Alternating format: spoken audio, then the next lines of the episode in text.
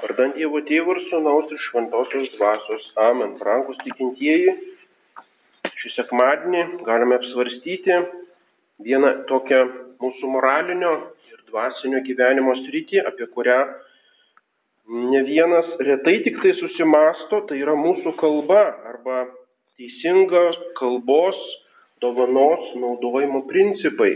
Mes galime kalbėti, tai atrodo savaime suprantama, bet tai yra galingas dalykas, per kurį mes bendraujame su kitais žmonėmis, galima sakyti, aukščiausių lygių. Tada viena siela bendrauja su kita būtent kalbos dėka ir tada gali pasireikšti tai, apie ką skaitome šiandien Dievo ir artimo meilės įsakymas.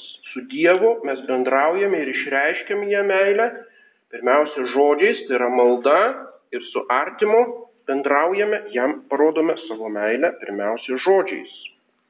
Atlikdami sąžinę sąskaitą, įdami iš pažinties, turime tirti ne tik tai mūsų veiksmus, ką mes blogo padarėme, taip pat polinkius į juos ir apsileidimus, nepadarytus gerus darbus, bet taip pat mūsų mintis ir taip pat žodžius. Žodžiai yra svarbus dalykas sąžinės išpažinties, bet yra daug tokių, kurie tą tyrimą pamiršta, galvodami, kad žodžiai yra smulkmena, kad jų vartojimas nėra svarbus dalykas, kad mes tiesiog aplinkui šnekamės, reiškiame savo kažkokias emocijas, yra toks kaip fonas kažkoks, toksai e, žodžiai, kurie nuskamba ir dinksta ir neturi jokio poveikio. Tai yra didelė klaida. Kaip pasakoja padavimas, Egipto faraonas Amasis prašė išminčiaus Pitakos, kad nurodytų jam du dalykus - naudingiausią ir kenksmingiausią. Tada buvo tokia išminties tradicija, valdovai klausdavo išminčių patarimo ir faraonas gerokai nustebo, kai išminčius nieko nesakydamas tiesiog iškišo liežuvį. Ir tada suprato, kad tai yra simbolinis veiksmas, liežuvis yra žmogaus gyvenime naudingiausias kūno narys, bet kartu ir nešantis daugiausia žalos. Tai reiškia labai atsakingas organas, kuris turi didžiulę įtaką moralinę. Ta pačia mintį vėliau išsakė šventasis Jokūbas. Liežuvis yra mažas narys, bet moka girtis didžiais dalykais. Liežuvis tarsi nedorybės visetas glūdi tarp mūsų narių, suteršia visą kūną, padeng, padega visą gyvenimo eigą, patsai pragaro padegtas. Labai tokie stiprų žodžiai. Liežuvio joks žmogus nepajėgia suvaldyti. Jis lieka vis nerimstanti blogybė pilna mirtinų nuodų. Juo šloviname viešpati savo tėvų ir jų, tėvą ir juo keikiame žmonės, kurie sukurti panašus į Dievą. Iš tų pačių lūpų plaukia ir laiminimas ir prakeikimas Bet taip, mano broliai, neturi būti. Tie labai atrodo pesimistiniai Jokūbo žodžiai, kad štai mažas narys, kurio žmogus savo kūnę visiškai nesugeba sukontroliuoti ir viena vertus atlieka tą meilės ir garbinimo pareigą Dievui, o kita vertus keikia ir naudoja tą patį dalyką piktam. Patarlė byloja, kalba yra sidabras, o tylėjimas yra auksas. Dažniausiai tai būna. Kalba yra naudinga ir reikalinga, bet tik tuo met, kai ką nors protingo, gero norime pasakyti. Tai reiškia, tylėjimas dažnia, dažnai būna vertingesnis už kalbėjimą. Daugeliu atveju naudingiausia patylėti. Vėlgi, Jokūbas sako, kiekvienas žmogus te būna greitas klausytis, bet lėtas kalbėti. Vien šitos taisyklės užtektų, kad išvengtume daugybės nuodėmių kiekvieną dieną. Kiekvienas noriai tiesiklauso, ką kalba labiau išmanantis, labiau patyrę vyresni ar tiesiog žinantis, ką nors kokioje nors srityje ir te kalba tik tuo met, kai jo žodžiai bus naudingi, prasmingi, geri, kai jis pats daugiau žinos negu kiti arba galės naudos suteikti savo žodžiais. Vėlgi iš Senojo testamento išminčius ir atsidas sako, o tu jaunuoli, kalbėk tik tada, kai reikia, tik prašomas ir nedaugiau kaip dusik. Kalbėk trumpai, bet taupiais žodžiais daug pasakyk. Elkis kaip žmogus, kuris žino ir vis dėlto gali suvaldyti liežuvį. Nekalbėkime apie savo asmenį, pirmiausia, apie savo gyvenimo smulkmenos poreikius be reikalo. Verčiau parodykime, kad mums rūpi kitų likimas, kitų reikalai, nuveikti darbai, klausytis kitų yra dažniausiai didesnis artimo meilės darbas negu kažką jam greitomis neapgalvotai kalbėti. Ir tuo būdu greičiau parodysime tą artimą meilę, praturtinsime save, pasimokysime iš svetimos patirties ir niekas taip greitai neišstato savęs pajokai kaip tas, kuris pirmiausia mėgsta pasakoti apie save, lyg jo rūpešiai būtų svarbiausi, o jo kentėjimai patys didžiausi, kuris nejučia pasijunta pasaulio centru, nors kitiems jo gyvenimas atrodo menkas ir dėmesio nevertas.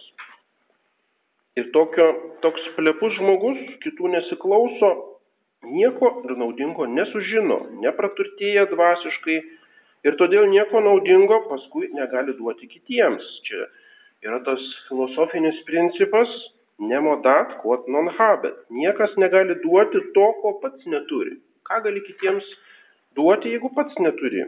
Ir todėl plepus žmogus per kelias minutės išlieja visas savo žinias o po to daugybę kartų kartoja tai, ką jau pasakė. Kartojasi, vis tas pats grįžta, toks žmogus užsidaro į savo siaurą tokį pasaulyje žiūrą ir nuolatiniu jos reiškimu vis labiau įsitvirtina joje, užsisklendžia tame ribotume, tampa aklas ir kurčias kitiems žmonėms ir taip pat aukštesnioms tiesoms.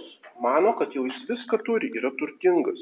Ir tai yra didžiausia daugelio ypač pagyvenusių žmonių yda, mes įsitvirtiname savo keliose patirtyse, savo tezėse, kurias e, parodė mums gyvenimas ir todėl vietoj tapę gyvenimiškos išminties šaltiniu jaunesniems žmonėms, tokie žmonės tampa vertais pajokos. A, jis vėl kartoja viską tą patį pasakojo, ką jau anksčiau.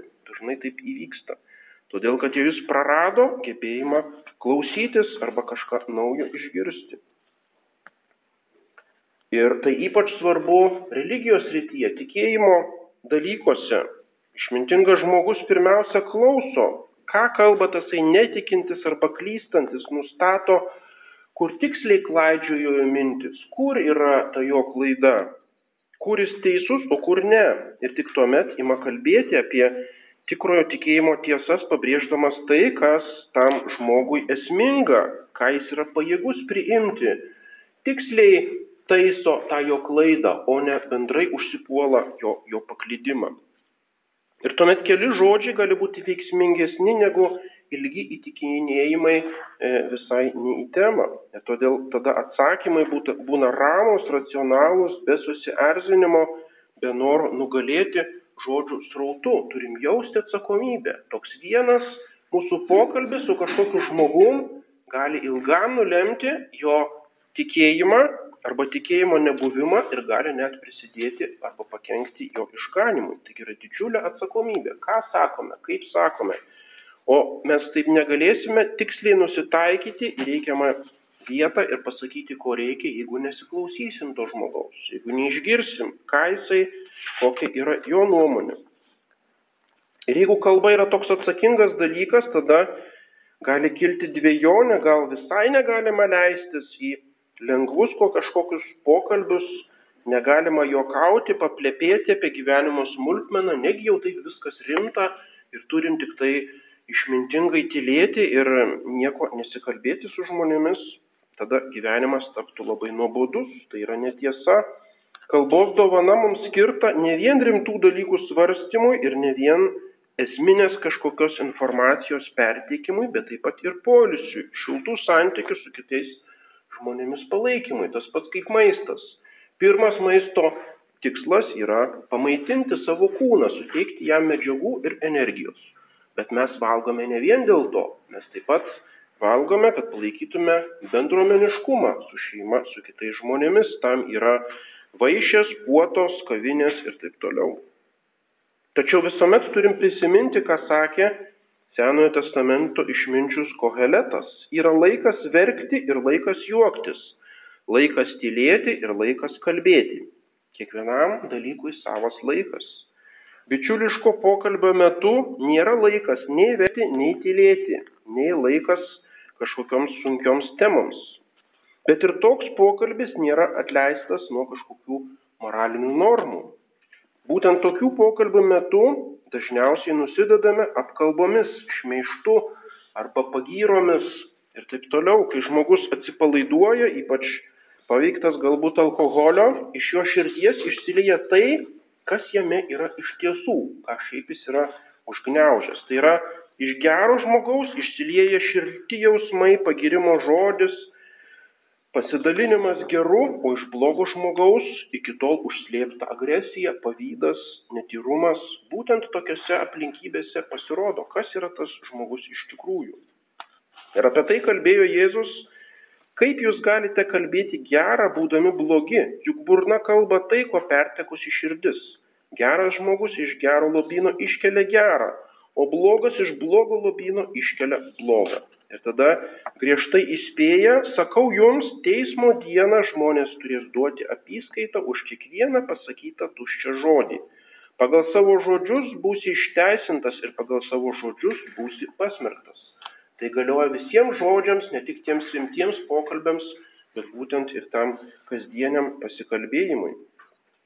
Ir dėja, kaip dažnai galim patvirtinti iš savo patirties tai, ką jau yra pastebėjęs vienas Graikų filosofas, ilgai pakalbėjęs su žmonėmis, jaučiuosi esas mažiau žmogus, negu buvau prieš tai. Tai, kas sudaro mano žmogišką orumą arba visą turinį, ką aš gavau per tą pokalbį. Dažniausiai aš nusileidau iki kažkokio instinktų, emocijų, jausmų lygio, reiškia, aš likau mažiau žmogus, negu buvau prieš tą pokalbį. Reiškia, kalba, kuri turėjo sujungti mūsų sielas ir praturtinti vieną kitą, mūsų abu nusmugdė. Iš to pokalbio išėjo tik tai mm, blogiausiu atveju netgi visai kažkoks sugyvulėjimas. Taigi, supratę, turėtume pagalvoti, ar su tais žmonėmis leidžiame laiką, su kuriais verta, ar savo draugų rate praturtiname vieni kitus, įkvepiame geram, ar tik tampame mažiau žmogiški. Ir antrojų atveju draugai nėra tikri, juos reikia keisti, reikia keisti tos žmonės, su kuriais kalbamės. Prie dažniausiai pasitaikančių nuodėmių liežuvių, aišku, yra melavimas arba tiesos iškreipimas. Paštuos Paulius Efeziečiams rašo, pametę melagystę, kiekvienas kalbėkite tiesą savo artimui. Ir kokį pateikia argumentą, nes mes esame vieni kitų nariai aukščiausias argumentas. Mes esame vieno kūno, tai yra žmonių bendruomenės, o mes tikintieji esame mistinio Kristaus kūno bažnyčios nariai. Ir niekas negreuna tų narių tarpusavio vienybės kaip melas ar apgaulė, kuris naikina pasitikėjimą, jeigu nebėra pasitikėjimo, sugriūna bet kokia bendruomenė, ar tai šeima, ar valstybė, ar bažnyčia. Visuomenės vienybė remiasi dvasių arba minčių vienybė, tarpusavio pasitikėjimu ir būtent melagingi žodžiai šitą sugriauna ir todėl melas yra pats savyje blogas. Netgi jeigu atrodo, kad mes čia nieko nepakenkėm, tuos žodžius kitas žmogus iš karto pamirš, o man kažkokia tai nedidelė iš to nauda, ar aš išsisukau su tuo melu. Žinoma, niekas nėra įpareigotas kiekvienam sakyti visos tiesos, kurią žino, bet visais atvejais būtina apsėti e, būtent tuo tiesos nutilėjimu, aptakiais žodžiais, tiesiog parodant, kad nenori apie tai kalbėti, tačiau visą laiką reikia susilaikyti nuo netiesos sakymo, nuo melavimo. Todėl rūpestingai skirkime kada yra laikas tylėti ir kada laikas kalbėti, sergikime melo savo kalboje, jauskim atsakomybę už savo žodžius ir pritaikykim savo tą išmintingą Šventojo Pauliaus pamokymą, joks bjaurus žodis ten neišeina iš jūsų lūpų. Kalbėkite vien kas gera, kas tinka pamokyti ir duoda naudą klausytojams ir neliūdinkite šventosios Dievo dvasios, kurią esate paženklinti atpirkimo dienai, te būna toli nuo jūsų visokie širkštumai, piktumai, rūstybės, riksmai ir pikdžodžiavimai su visomis piktybėmis. Verčiau būkite malonūs, gailestingi, atlaidus vieni kitiems, kaip ir Dievas Kristuje jums buvo atlaidus. Amen. Vardant Dievo Tėvo ir Sūnaus Šventosios Dvasios. Amen.